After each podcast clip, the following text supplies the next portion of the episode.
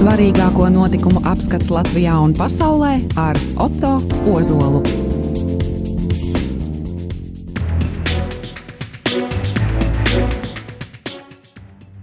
Labdien, vai labvakar, cienījamie radiokamā arī klausītāji. Ar kārtējo mēnešu svarīgāko notikumu apskatu studijā atkal es, Otto Ozols.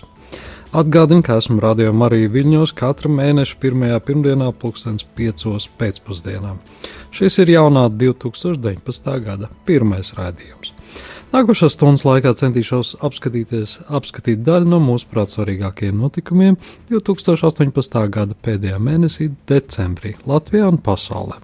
Radījumā būs arī kāda ļoti skaista pauze starp Latvijas notikumu apskatu un pasaules notikumu svarīgāko apskatu. Daži no šī vakara tematiem. Arī visu decembri turpinājās mēģinājumi izveidot valdošo koalīciju un valdību.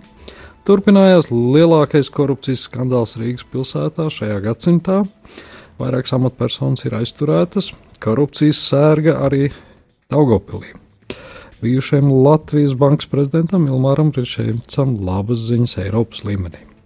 Decembrī beidzot tika atvērta arī Padomju Savienības slepeni policijas veidē kā Jipčekas arhīvi, kas bija saglabājušies Latvijā. Latvijas kultūras dzīvē ir vairākas labas ziņas, par tām arī stāstīšu. Pasaulē tikmēr turpinājās spiegu skandālu, uzzinājām arī kādu sērvērstu mirs bijušais ASV prezidents Džordžs Bušs, vecākais. Atcerēsimies arī par kādu traģisku gadījumu Dānijā, kas saistīts ar Latvijas iedzīvotājiem iedzīvotāji. Par šiem un citiem aizvadītā decembra mēneša notikumiem nākamās nepilnas stundas laikā Radio Marijas studijā es, Auto Ozols.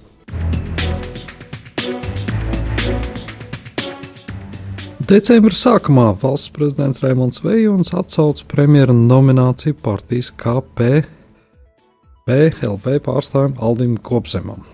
Pēc tikšanās ar premjerā amata kandidātu prezidents Vējons pavēstīja, ka sarunas laikā tika konstatēts, ka Gobzems nevar iegūt parlamentu vairākumu atbalstu, tāpēc prezidents atsauca viņa nomināciju.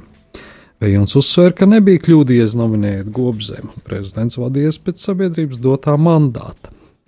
Tāpat Vējons pateicās Gobzemam, ka šajā sarežģītajā situācijā viņš uzņēmās veidot valdību. Savukārt Gumzems pēc tikšanās pastāstīja, ka iepazīstinājis Vējonu ar savu redzējumu par trīs iespējamiem scenārijiem, sīkāk tos gan nepaskaidrojot. Viņš atzina, ka mēģinājumi veidot valdību tikuši torpedēti, torpedēti kopš pirmās dienas. Publiskajā telpā tika minēts, ka Aldim Gobzemam satversmes aizsardzības birojas nebija gatavs uzreiz piešķirt pielaidu valsts noslēpumu, un bez tā viņam būtu grūtības vadīt valdību. Tāpat kļūst zināms, ka pret Gobzem kā potenciālo valdības vadītāju ļoti kategoriski nostājas potenciālai sadarbības partneri no partiju apvienības attīstībai par. Šobrīd tas ir janvārī jau kļūst zināms tieši šodien, ka pēc ilgstošām sarunām valdība veidot piekritus partiju vienotību un tās biedrs eirodeputāts Krišāns Kariņš. Atgādina, ka vienotība ir partija ar vismazāko deputātu skaitu šajā saimā.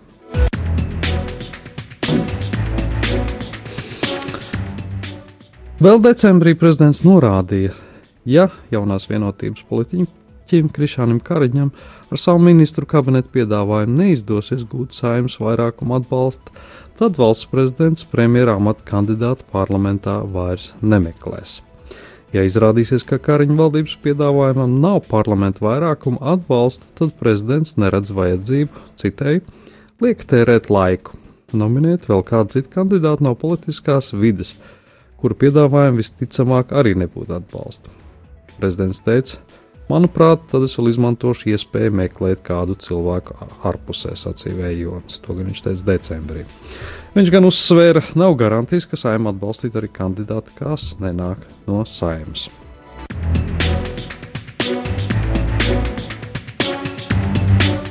Vēl decembrī uzzinājām, ka autotehniskās apskates tirgu varētu atvērt 2023. gadā. Tā pavēstīja telekompānija LNT. Pēc asas kritikas par izkropļoto konkurenci autotehniskās apskates tirgu satiksmes ministrija sagatavojusi savu redzējumu par šī tirgus atvēršanu arī citiem dalībniekiem. Taču konkurences padomu piedāvājumu kritizē un saskata centienus patiesībā tirgu nemaz neatvērt. Šobrīd autotehnisko apskatu Latvijā nodrošina ceļu satiksmes drošības direkcija un četras sabiedrības, kurās akcionāru vidū ir gan privāti akcionāri, gan CSDD. Tirgus atvēršanas ideja paredz, ka CSDD varētu palikt tikai kā kontrols un akreditācijas iestāde. Tas nozīmē, ka iestāde gadu laikā teiktos no trim stacijām, kuras pārņemt kāds no esošiem četriem uzņēmumiem, un pēc tam rīkot tehniskās kontrolas pakalpojumu iepirkumu, tā vēstīja televīzijas raidījums norādot, ka šis process varētu nebūt ātrs. Konkurences pazdoma, iepazīstoties ar priekšlikumu, atzinusi, bija sagaidījusi ko citu un joprojām redz, ka uzņēmumiem būs iespēja saglabāt ekskluzivitāti. Padomus pārstāv norādīja, pašreizējais piedāvājums ir pietiekami neskaidrs, lai būtu pārliecība, ka tirgus tiks atvērts brīvai konkurencei. Tā skaidroja konkurences padomus loceklis Jānis Račko. Arī autosociācija Ieskicēto vīziju uztver nenopietni. Tā raidījumam atzina tās prezidents Andris Kulbergs. Tikmēr pienāca traģiskas ziņas no Dānijas. Uzzinājām, ka dzērāja šoferis no Latvijas Dānijā nogalinājis divus bērnus un viņu mammu. Dānijā ir aizturēts kāds 24 gadus vecs Latvijas pilsonis, kurš dzērumā izraisīja auto avārija un nogalināja 41 gadu vecu sievieti un viņas 7 gadus veco meitu. Slimnīcā no gūtiem ievainojumiem miris arī sievietes 9 gadus vecais dēls. Tā vēstīja Dāņu mēdīs TV2. Incidenta brīdī sieviete, kuras automašīnā atradās arī trīs viņas bērni, bija apstājusies krustojumā pie Hotsageras ciema netālu no Holtsebro pilsētas, lai pagrieztos pa kreisi. Latvijas pilsoņu vadītais auto lielā ātrumā ietriecies sievietes mašīnā Sievietes mašīnā no aizmugures, sievieti un meitenīti nogalinot tūlītēji. Atsliecinieki tiesā norādījuši, ka īspirms sadursmes redzējuši vīrieši vadītājiem līdzīgu auto braucam ļoti lielā ātrumā. Cietušā automašīna pēc, cietušā automašīna pēc trieciena esot pārvērsta par lūžņu kaudzes vēstu vietējais mēdījis. Izmeklētājs atklājis, ka vīrietim jau Latvijā esot atņemtas tiesības par braukšanu dzērumā.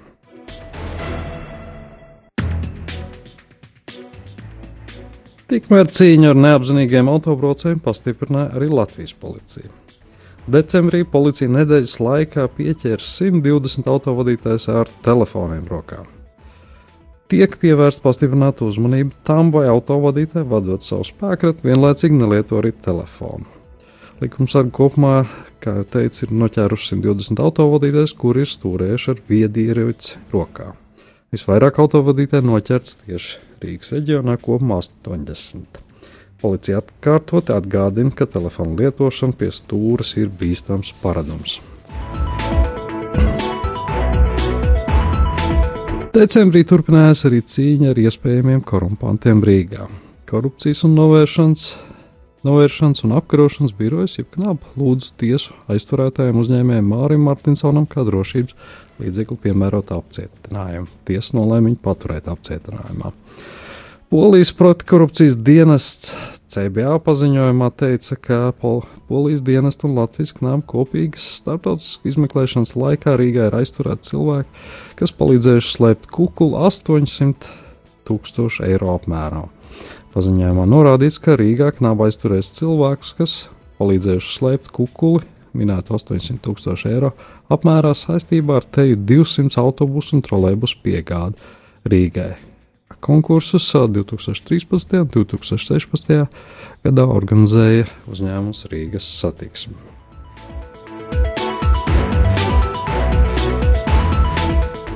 Zinājām arī, ka Knāba un viņa kolēģi no Polijas izmeklē divus atsevišķus kriminālu procesus - korupcijas novēršanas un apkarošanas biroja sāktais krimināla process par pašvaldības kapitāla sabiedrības Rīgas satiksmi iepirkumiem un Polijas pretkorupcijas dienesta CBA krimināla procesi ir divi atšķirīgi krimināla procesi, kurus saist tikai izmeklēšanā iesaistītās personas. Tā skaidroja Knāba. Krimināla procesa saistībā ar Rīgas satiksme, satiksmes iepirkumiem sākts pēc Knāba iniciatīvas. Latvijas un Polijas pretkorupcijas iestāžu sadarbība notikusi jau pirms konkrētā krimināla procesa sākšanas. Vēl decembrī uzzinājām, ka ir nodibināta Latvijas mediju ētikas padome. Tā esot pašregulatīva koleģiāla Latvijas mēdīju ētikas padoma, skaidroja tās pārstāvja. Organizācijas biedri divu mēnešu laikā ievēlēs ētikas padomu, kas izskatīs sūdzības un sniegs atzinumus par iespējamiem mediju izdarītiem ētikas pārkāpumiem, mediju vai vārdu brīvības ierobežojumiem, jautājumiem, kas saistīti ar mediju apdraudējumu vai ietekmēšanu, mediju nozares stāvokli pasliktināšanos, redakcionālo autonomiju vai neatkarību vai citiem apstākļiem, kuros medijiem tiek apgrūtināta iespēja īstenot savus mērķus un uzdevumus. Latvijas mediju ētikas padomu dibināja Latvijas raidorganizāciju asociācija, Latvijas žurnālistu asociācija, Latvijas preses izdevēja asociācija, portāls Delfī, Sijas žurnāls Santa, akcijas sabiedrība cits mēdījis, ziņu aģentūra Leta, Latvijas mēdīja, Latvijas vēstnes un arī virkne reģionālo mēdīju.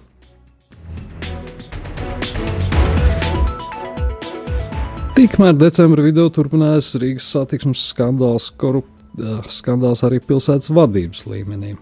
Rīgas mērs Nils Ušakovs sasauca domas ārkārtas sēdi, lai pārliecinātos, vai viņam joprojām ir domas deputātu vairākam atbalsts. Tā skaidroja doma. Sekojušā balsojumā ar minimālu balsu pārsvaru viņš tomēr guva uzticību atbalstošu balsojumu. Šādu lēmumu viņš pieņēma balstoties uh, uz notikumiem Rīgas satiksmē. Ar šādu lēmumu viņš, tā teikt, aprāva opozīcijas deputātu centienus savākt parakstus, lai rosinātu sasaukt sēdi par neusticības izteikšanu Ušakovam. Kā jau minēju, Knaps sācis kriminālu procesu par trīs Rīgas satiksmes veiktiem iepirkumiem. Krimināla procesā tiek izmeklēta amatpersonu kukuļošana un noziedzīgi iegūtu līdzekļu legalizēšana.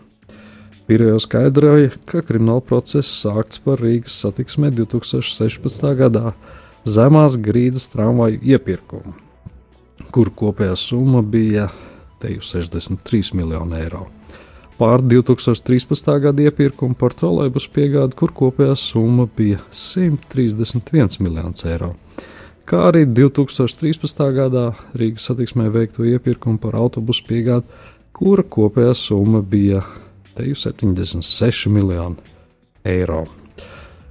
Reaģējot uz knabu operatīviem darbībām, visi pieci Rīgas satiksmes valdes locekļi Ušakovs ceturtdien iesniedz atlūgumus. Ties pats Ušakovs negrasās atkāpties. Toties atkāpās viņa vietnieks Andris Amerikas no partijas gods kalpot Rīgai. Tiesa, viņš atkāpās tikai no Rīgas uh, domas vice, vicemēra amata, bet saglabāja savu amatu Rīgas uh, brīvostas valdē. Um, tur viņš pagājušajā gadā nopelnīja 48,000 eiro, un acīm redzot, arī turpinās pelnīt šo pašu summu šogad. Ja viens saglabās arī šo amatu. Kaut gan uh, Rīgas domē bija balsojums par viņa atstādināšanu no šī amata, bet uh, tas izgāzās. Tikmēr vides aizsardzības un reģionālās attīstības ministrija varam ir radījusi likumprojektu par Rīgas domas atlaišanu. Tā Latvijas televīzijai paziņoja vidas aizsardzības un reģionālās attīstības ministrs Kaspars Gerhards no Nacionālās apvienības. Viņš atzina, ka sabiedrība pēdējās nedēļas notikumu dēļ ir sašutusi, un varam eksperti vērtējuši Rīgas domas rīcību kontekstā ar korupcijas novēršanas apkarošanas birojas sākto kriminālu procesu par iespējamo korupciju Rīgas satiksmē. Gerhards atzina, ka Rīgas doma tieši attiecībā uz Rīgas satiksmi nav veikusi nozīmīgas darbības, lai gan ieteikumus sniegus gan valsts kontrole savā ziņojumā, gan prokurors izteicis brīdinājumu. Neskatoties uz to, izlēmīga rīcība no Rīgas domas nav sekojusi. Turklāt Rīgas domē notikušo Rīgas mēra Nila Ušakovs uzticības balsojumu Gerhards nosaucis par farsu un pat pretdarbību Latvijas likumu ievērošanai.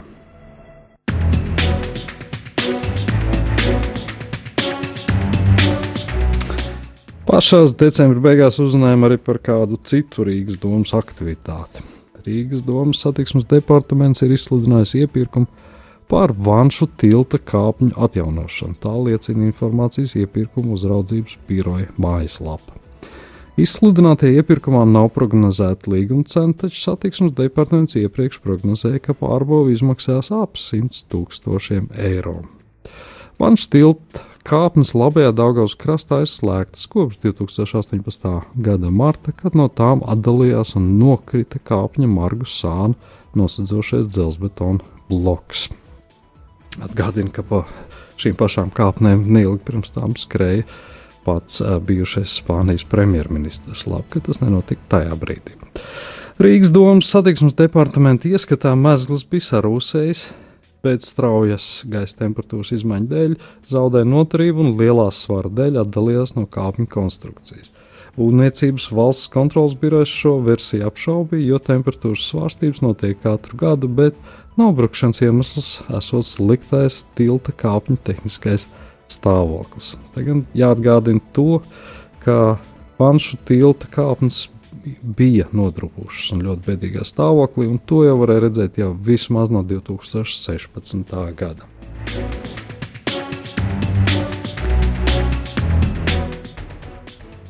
Tikmēr korupcijas sēga plosījās arī citā Latvijas pilsētā Daugopilī.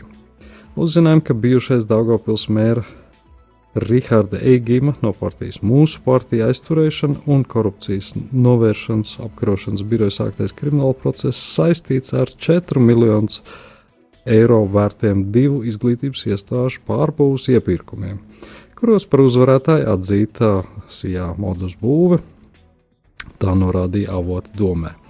Minētais būvnieks pēdējos gados ir uzvarējis vairākos domas iepirkumos, iegūst tiesības veikt pilsūtska Daugopils valsts poļu ģimnāzijas sporta zāles korpusu atjaunošanu un šajā objektā veicis papildus būvdarbus. Šo darbu izmaksas pārsnieguši 1,2 miljonus eiro, neieskaitot PVN. Vēl lielāka summa figurēja iepirkumā par citas izglītības iestādes ēkas pārbūvi. Tur ir 2,2 miljoni eiro bez PVN. 2,2 miljonus vērtā iepirkuma, iepirkuma dokumentācija liecina, ka konkursā startējuši četri pretendenti un pilnsabiedrība OnePro un Nordservice, kas iesniegus par uzvarētāju dažus desmit tūkstošus lētāku piedāvājumu. Taču šis pretendents iepirkuma komisija nesot iesūtījis visus nepieciešamos dokumentus un apliecinājumus. Decembrī beigās Dāngopils mūsu partija un saskaņa no amata gāza arī Daugopils domas priekšsēdētāja vietnieku Jāni Tukšinski, kurš pārstāv Latgales partiju.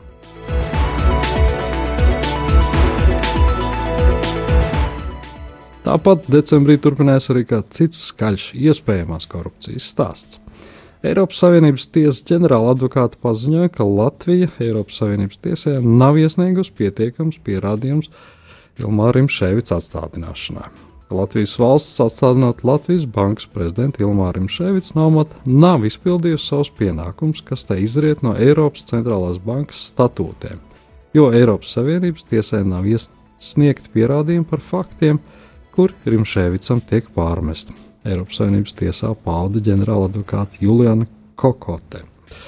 Parasti ģenerāla advokāta secinājumi Eiropas Savienības tiesai sakrīt ar tiesas vēlāk taisīto spriedumu.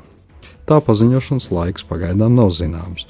Prasību tiesā cēls gan Rimšēvits, ar kuru uh, jau ar šo lēmumu viņš tika atsādināts no amats, jo tiek turēts aizdomās par tirgošanos ar ietekmi un kukuļņemšanu. Tikmēr uzzinājām, ka Latvija saņēmusi zemu vai vidēju novērtējumu pēc vairākiem finanšu sistēmas efektivitātes kritērijiem.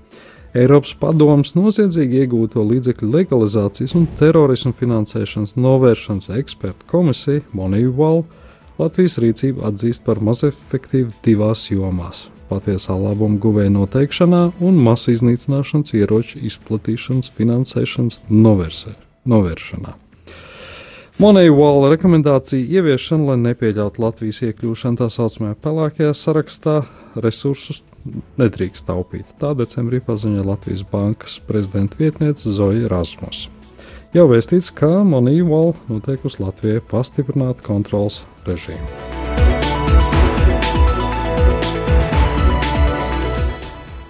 Tāpat decembrī mēs uzzinājām, ka Latvijas iekšlietu ministrijā līdz pat šai vasarai lietots Kaspersky antivīrus. Valsts policija 2018. gadā nopirkusi Eiroparlamentā par kaitnieciskā dzīto Kaspersky antivīrus programmu, bet tomēr nav turpinājis to izmantot, jo iekšlietu ministrija lēmums no programmas beigās tomēr atteikties. Par šīs Krievijas izveido, Krievijā izveidotās datorprogrammas drošību kompānijas saistība ar Krievijas varas iestādēm bija zināms jau krietni agrāk.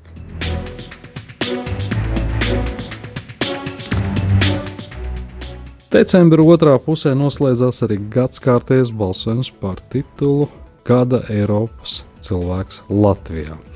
To šogad ieguva Eiropas Savienības tiesas tiesnesis Egils Levits. Tā informēja biedrība Eiropas kustība Latvijā.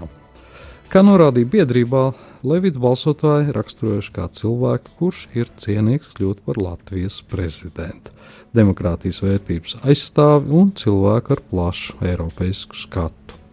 Viņam pieder vārdi, ka Latvija nav nedz tilts starp rietumiem un austrumiem, nedz patilta.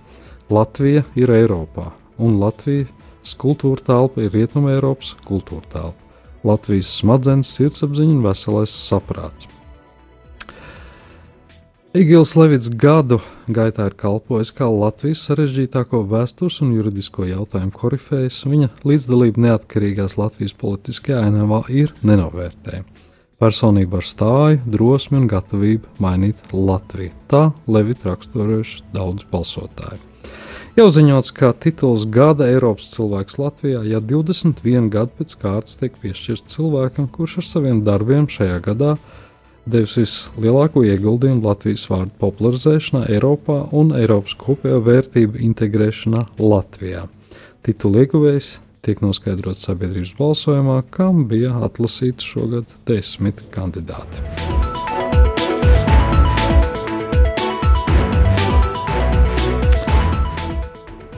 Decembrī beidzot tika publicēta padomju okupācijas režīma slepeni policijas valsts drošības komitejas jeb čekas arhīvi, vismaz tie, kas bija palikuši Latvijā.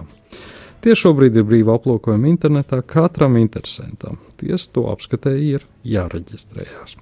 Jau pirmajās dienās internetu vietnē kgb.arhīvi.lv, kurā publiskot daļa bijušās valsts drošības komitejas dokumenti, jeb tā dēvētie čeksmais, reģistrējušies bija 22,000 lietotāji. Tā pavēstīja Nacionāla arhīva pārstāvja Māra Sprūdža.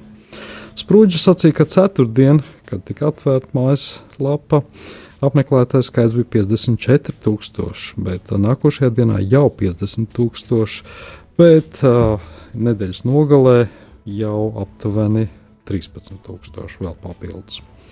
Mājaslapā ir trīs galvenās sadaļas. Viena, vienā no tām ir skaidrot vietnes būtība, kas tajā publiskots, kādā kārtībā, kāpēc dokumenti ir publiskoti un kā tiem piekļūt.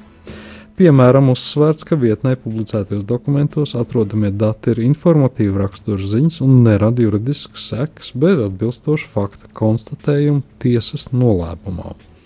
Aģentkartītēs atrodam daudz pazīstamu cilvēku uzvārdu, tā skaitā pazīstamu atmodas laika aktīvistu. Viņu pašu liecības viedokļi atklājās tikai pamazām. Skaidrs, ka katrs gadījums ir individuāls un diskusijas sabiedrībā tikai pamazām sākās. Vissarežģītākā situācija ir cilvēkiem, kuri jau miruši, jo viņiem nav iespējams skaidrot apstākļus, kādos viņi izšķīrās par sadarbību ar Čeku.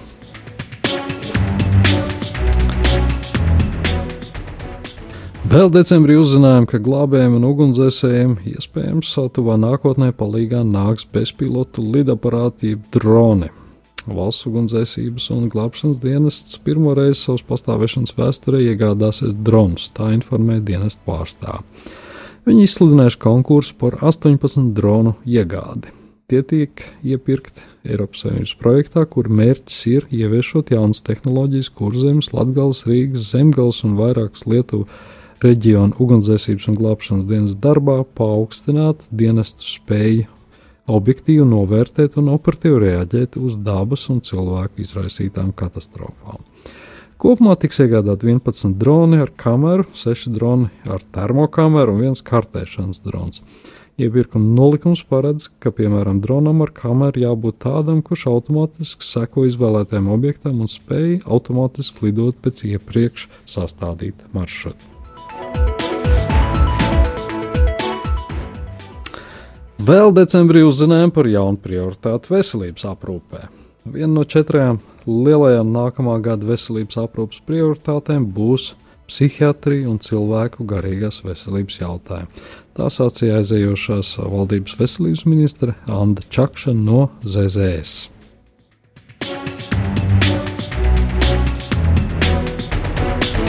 Un noslēdzot svarīgāko notikumu apskatu Latvijā, parunāsim nedaudz par notikumiem Latvijas kultūras dzīvē.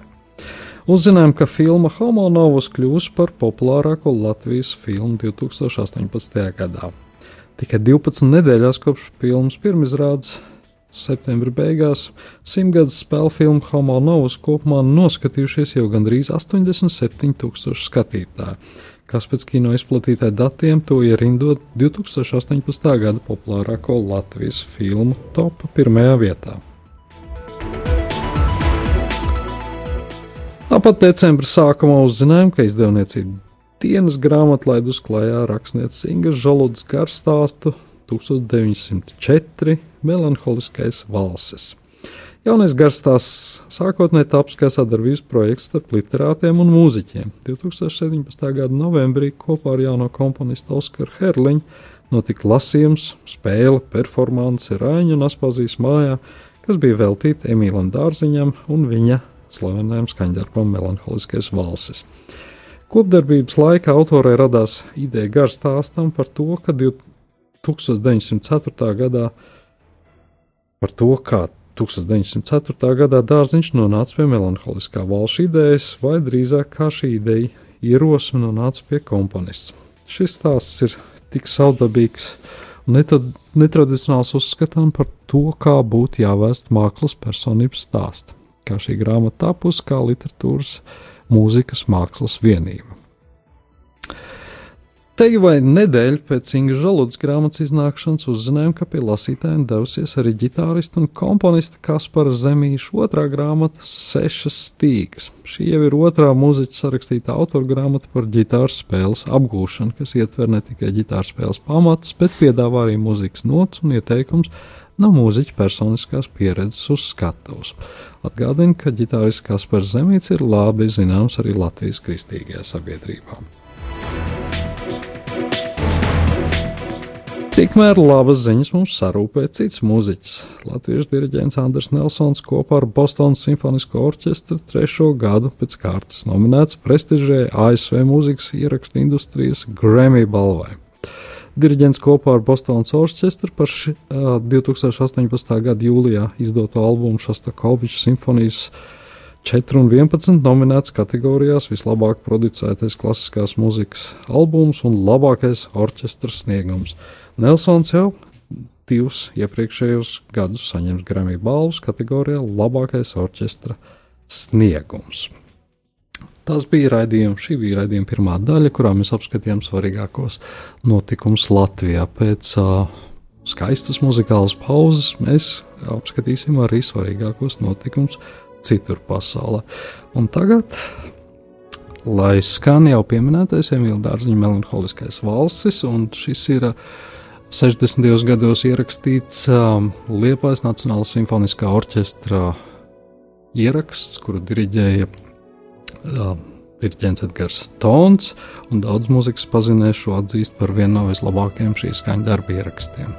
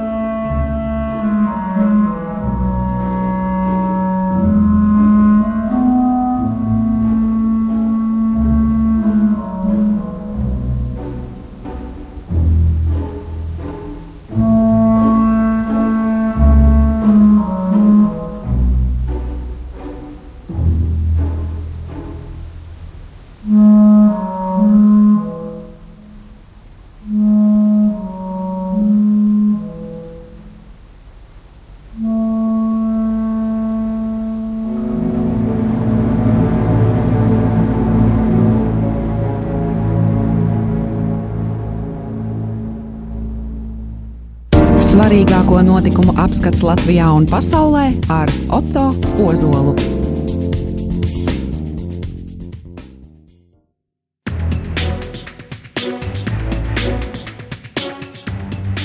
Turpinām mēneša svarīgāko notikumu apskatu. Radio Marijas studijās mēs Otto Ozols. Radījuma otrajā daļā pievērsīsimies aizvadītām mēneša decembra svarīgākiem notikumiem citur pasaulē.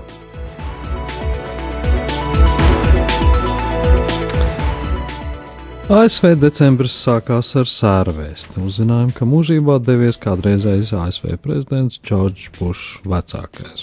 Kādreizējais ASV prezidents Džordžs Herberts Valkers Bušs devās pie tā kunga novembra pēdējā dienas vakarā 94 gadu vecumā. Viņš bija ASV prezidents laika posmā no 1989. gada līdz 1993. gadam. Pirms tam divus termiņus bija viceprezidents Ronalda Reigana prezidentūras laika, laikā.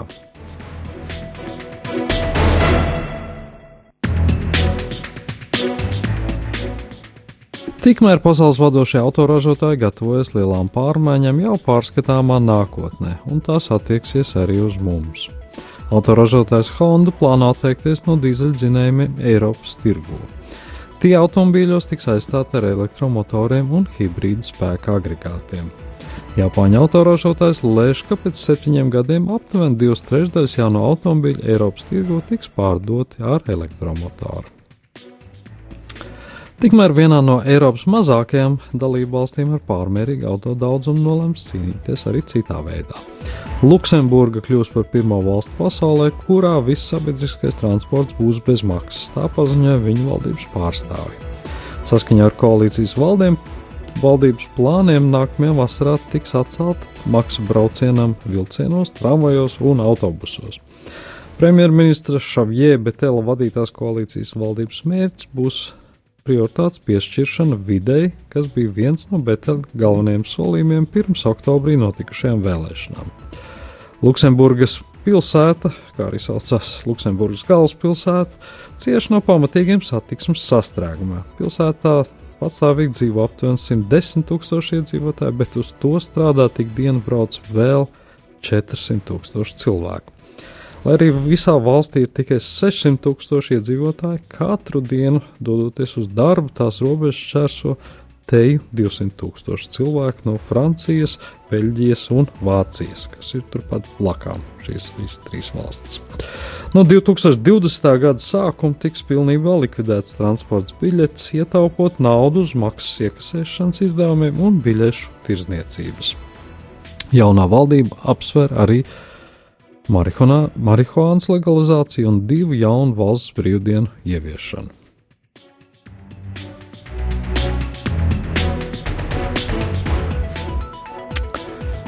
Tikmēr Francijā turpinājās plaši nemieri, tādā tā dēvēto dzelteno vestu protesta akcijas. Šajos nemieros, kur gaitā izraisījās demonstrants atdursums ar policiju, kopumā aizturēt 1723 cilvēki, tā vēstīja Francijas iekšlietu ministrija.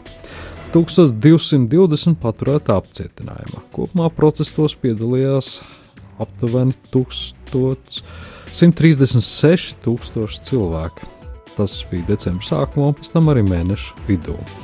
Policijas un demonstrantu sadursmēs ievainojums guva 118 protest, protestētāji un 17 drošības spēku pārstāvi. Tā teica iekšlietu ministrs Kristofs Kastenērs. Iepriekš cieta 220 demonstrantu un 284 kārtības sargi. Vardarbības eskalācija ir apturēta, tā sacīja ministrs, taču tā saglabājas līmenī, tādā līmenī, kas ir pilnīgi nepieņemams. Tā dēvēto dzelteno vestu kustību Francijā sākotnēji izraisīja valdības lēmums paaugstināt akcijas nodokli degvielai, bet pakāpeniski šī protesta akcija izvērsās daudz plašākos protestos, atspoguļojot vispārējo sabiedrības neapmierinātību ar prezidenta Emanuela Makrona politiku. Protesti sākās novembrī, auto īpašniekiem paužot sašutumu par plānoto degvielas nodokļu paaugstināšanu, taču pakāpeniski protestos sāk skanēt arī citi saukļi, aktīvistiem norādot, ka prezidenta Makrona valdībai vienkāršo cilvēku problēmas nerūp.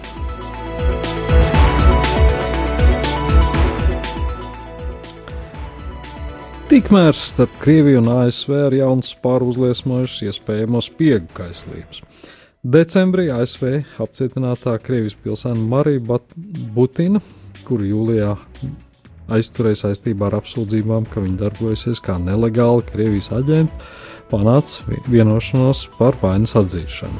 ASV federālā prokuratūra apsūdzēja Butinu, ka viņa kopā ar diviem ASV pilsoņiem un augstu Krievijas amatpersonu bija iesaistīti sazvērstībā, lai ietekmētu ASV Krievijas politiku un iefiltrētos ieroču īpašnieku tiesību organizācijā, domājams Nacionālajā strēlnieku asociācijā, kura ir cieši saites ar ASV prezidentu Donaldu Trumpu. Laikraksts The New York Times ziņoja, ka Putina 2016. gadā pirms Trumpa uzvaras vēlēšanās mēģinājis nodibināt kontakts starp Trumpu un Krievijas prezidentu Vladimiru Putinu.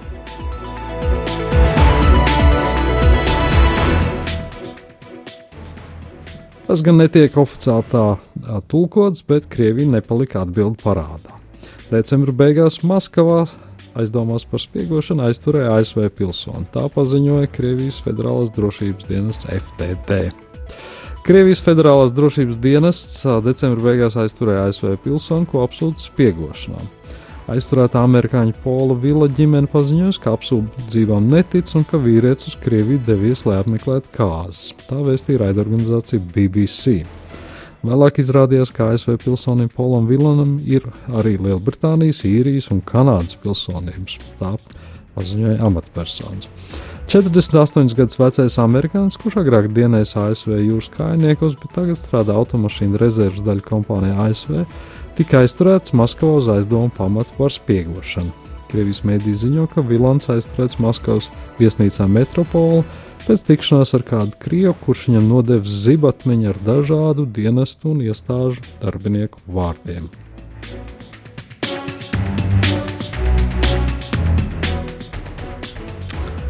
Tikmēr Eiropas Savienības līderi jau iepriekš decembrī paziņoja, ka Eiropas Savienība vienbalsīgi pagarina ekonomiskās sankcijas pret Krieviju, ņemot vērā progresa nēsamību Minskas vienošanās izpildē. Līdzinējais sankciju termiņš beidzās 31. janvārī, un tas tiks pagarināts vēl uz pusgadu. Eiropas Savienības sankcijas tika noteikts 2014. gada jūlijā, un to mīkstināšanu Eiropas Savienība saista ar Minskas vienošanos izpildi. Tā Eiropas Savienība soda Krieviju par Krimas aneksiju un Austrumu Ukrainas destabilizāciju. Atgādina, Eiropas Savienība, ASV un citas rietumvalstis noteikušas sankcijas daudzām Krievijas augstākajām amatpersonām, Kremļa tuvākā loka cilvēkiem, kā arī Krievijas ekonomikas, finanšu aizsardzības un enerģētikas nozarēm.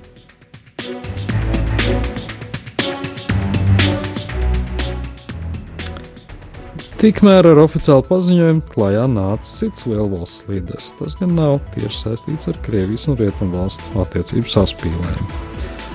Ķīnai neviens nediktēs, kas tai ir jādara, tā paziņoja Ķīnas prezidents. Ķīna turpinās reformas un saglabās kursu uz lielāku atvērtību, bet neviens nevarēs diktēt, kas tai jādara. Ķīnas kompartija atzīmēt reformu politikas, četr... reformu politikas 40. gadu dienu, sacīja prezidents Xi Jinpings. Solot turpināt ekonomiskās reformas, kuras 1978. gada decembrī aizsāka iepriekšējais Ķīnas vadītājs Dens Jaupins, Xi ļāva noprast, ka viens partijas sistēma netiks mainīta. Dižais sociālismu karoks vienmēr plīvojas virs Ķīnas zemes, uzrunā Pekinas tautas sapulces namā sacīja Xi. Ķīnas komunistiskā partijas valdība bijusi visbūtiskākā iezīme sociālismā ar Ķīnas raksturu un lielākais labums sociālismu sistēmai ar Ķīnas raksturu, viņš sacīja.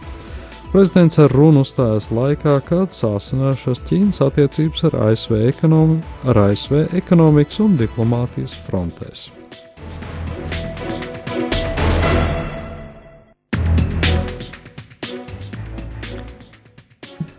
Tikmēr decembrī Krievijā noslēdzās arī kāda ļoti skaļa tiesas prāva. Krievijas Urāla apriņķa militārā tiesa piespriedusi 24 gadu ieslodzījumu bijušajam federālā drošības dienesta darbiniekam Aleksējam Koratkovam, kurš bandas sastāvā pastrādāja slepkavības un lopīšanas, tā vēsta aģentūra Interfax. Korotkovs bija tā sauktās FTD bandas loceklis. Tā bija organizētā noziedzības grupa, kurā darbojās esošie pēcdienas darbinieki, FTD sambo treneris un policists.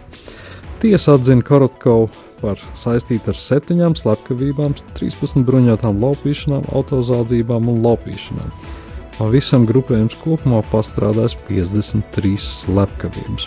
Noziedzīgās spēka struktūras darbinieku grupējums darbojas Čumiņā no 2008. līdz 2017. gadam.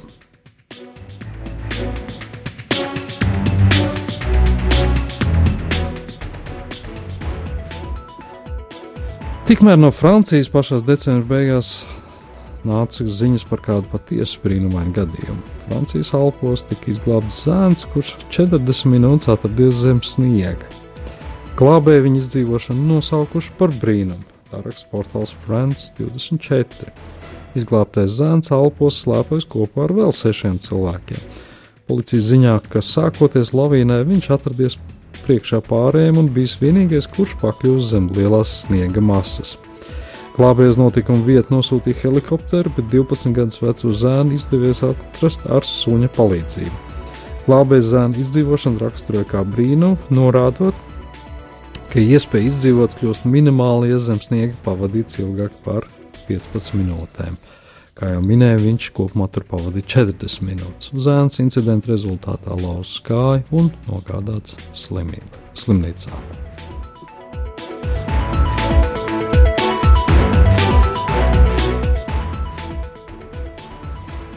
Ar to arī skan kārtējs mēneša svarīgāko notikumu apskats Latvijā un pasaulē. Kā jau katru mēnesi to sagatavoja es, Auto Ozols. Tiekamies nākošajā raidījumā, kas tradicionāli izskan, kā jau minēju, katra mēneša pirmajā pirmdienā, pulkstenis 17. jeb 5. pēcpusdienā. Laimes svētīgs, mierpilns janvāra mēnesis un laimīgs viss jaunais gads. Visu labu!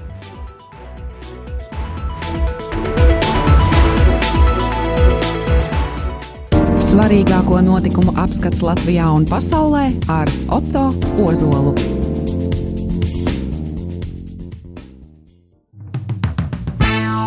Kāpēc es kalpoju Marijai? Jā, tam ir divi nopietni iemesli, divi jauki iemesli, un abi ir gaiši iemesli. Pirmais ir tas, ka man ļoti patīk Radio Marija gaišais, jaukais, atvērtais kolektīvs. Te patiešām ir gaišs gars, un šī gara klātbūtne šeit ir jūtama te vai fiziski. Tā ir viena lieta, tāpēc es esmu priecīgs būt daļa no šī jaukā kolektīva, kaut vai reiz mēnesī. Otrs iemesls ir tas, ka kalpot uzrunājot tūkstošiem rādījumu arī klausītājus, tā, manuprāt, ir liela, liela privilēģija. Kalpojot Dievam, ļaujot dalīties ar domām par svarīgāko, kas notiek mūsu valstī, mūsu sabiedrībā. Un, uh, tas ir ārkārtīgi svarīgi, ka mēs varam kopīgi dalīties pārdomās par mūsu valstī notiekošo. Tādēļ es esmu pateicīgs radījumam arī par šo dāvāto iespēju kalpot.